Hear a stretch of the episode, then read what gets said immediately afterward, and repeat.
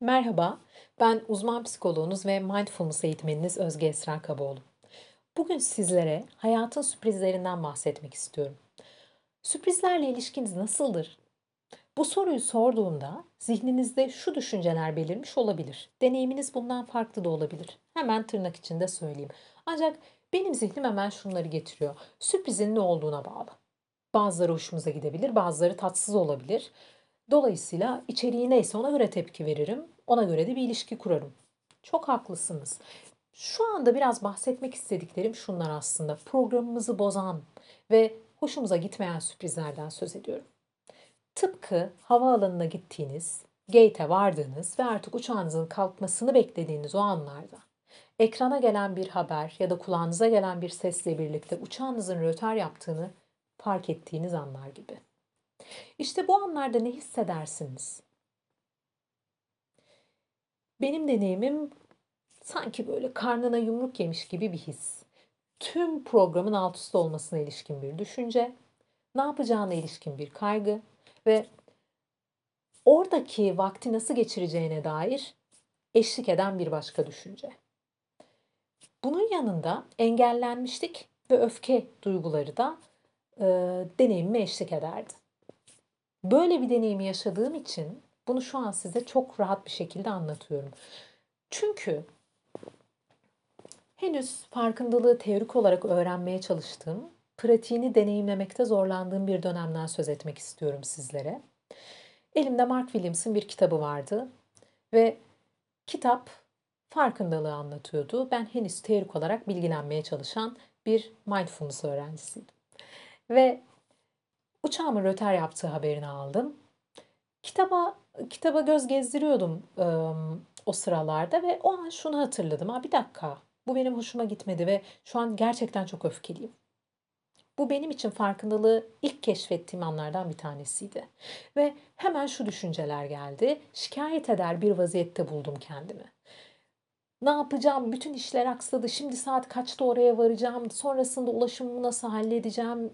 Bütün programım maksadı, telefonumun da şarjı bitmek üzere. Bugün bütün terslikler üst üste geldi.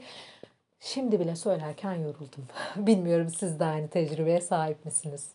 Şu anda bile aslında bu düşüncelerin bende yarattığı gerginliği tam olarak karnımda hissediyorum. Ve o anda buna alternatif bir tepkinin var olabileceğini hatırladım. Çünkü kitap buna dair bir şeylerden bahsediyordu. Ve dedim ki şu an neye ihtiyacım var? Öncelikle biraz sakinleşmeye. Ve oturup bir kahve içmenin iyi bir fikir olabileceğini düşündüm. Keyif alabileceğim bir yer olduğunu düşündüğüm bir kafeye yerleştim. Kahvemi aldım, içmeye başladım. E, aynı zamanda da şu an uçakta da olsam yapacağım şey kitap okumaktı. Aldım kitabı elime okumaya devam ettim. Yine farkındalıktan bahsediyordu. Tam o anda bu durumu pratik etme fırsatı buldum. O nedenle benim için unutulmaz bir tecrübeydi bu. O nedenle size bu kadar aslında farkındalığı net bir şekilde anlatabiliyorum o anda. Ve şunu fark ettim. Hayatımda planlarımı bozan sürprizler meydana geldiğinde zamanı kendime zindan etmeye başlıyorum. Ve bu hayatımı kolaylaştırmıyor, tam tersine var olan deneyimi daha da zorlaştırıyor. Çünkü o anın gerçekliğini değiştirme gücüne sahip değilim. Hiçbirimiz değiliz. Şu an havaalanındayım. Uçağımın kalkması lazım. Yapacağım işler var. Okey bunların hepsi tamam. Ama elimden hiçbir şey gelmiyor. Yapabileceğim tek şey beklemek. Peki beklerken zamanı nasıl geçirebilirim? Ve bu düşüncelere takılıp gitmek, şikayet etmeye devam etmek ya da oturup o anın içerisinde kendim için belki öfkenin yanında keyif alabileceğim bir anın da var olabileceğini gözlemleyebilirim. Dolayısıyla oturdum, kahvemi içmeye başladım, kitabımı okumaya devam ettim. Masadan kalkarken artık ikinci anons gelmişti. Gate te tekrar geçiş zamanıydı ve artık uçağa binmemize az kalmıştı. Dolayısıyla o anı keyifli bir hale getirmiştim. Hissettiğim şey şuydu. Evet hala programım aksamıştı. Bu beni hala öfkelendiriyordu. Evet bu sürece ilişkin üzüntüde yaşıyordum ama bir diğer taraftan keyifli geçirdiğim bir vaktin sonucunda haz almış ve iyi hisseden bir tarafım da vardı. Aynı anda birden çok deneyimin ev sahibiydim. Dolayısıyla o an şunu fark ettim. Benim verdiğim tepki ve durumla kurduğum ilişki seçebileceğim bir şey. Bu hayatımın kalitesini, geçirdiğim zamanın benim için ne kadar anlamlı olup olmadığını da etkileyebiliyor. Ayrıca bir gerçekliğe daha sahiptim. Bu andan sonrasında neler olacağına dair henüz bilgim yoktu. Elimdeki tek gerçeklik şimdiki anın gerçekliğiydi. Şu an sadece rötar olduğu bilgisine sahibim. Belki indiğimde düşündüğümün tam tersine çok kolay taksi bulacağım veya e, oturduğum kafede rahatlıkla telefonumu şarj edip hemen açıp istediğim kişilerle iletişime kuracağım ve programıma ilişkin yeni program belki de çok kolay bir şekilde organize edilecekti. Ben o an bu bilgilerin hiçbirine sahip değildim.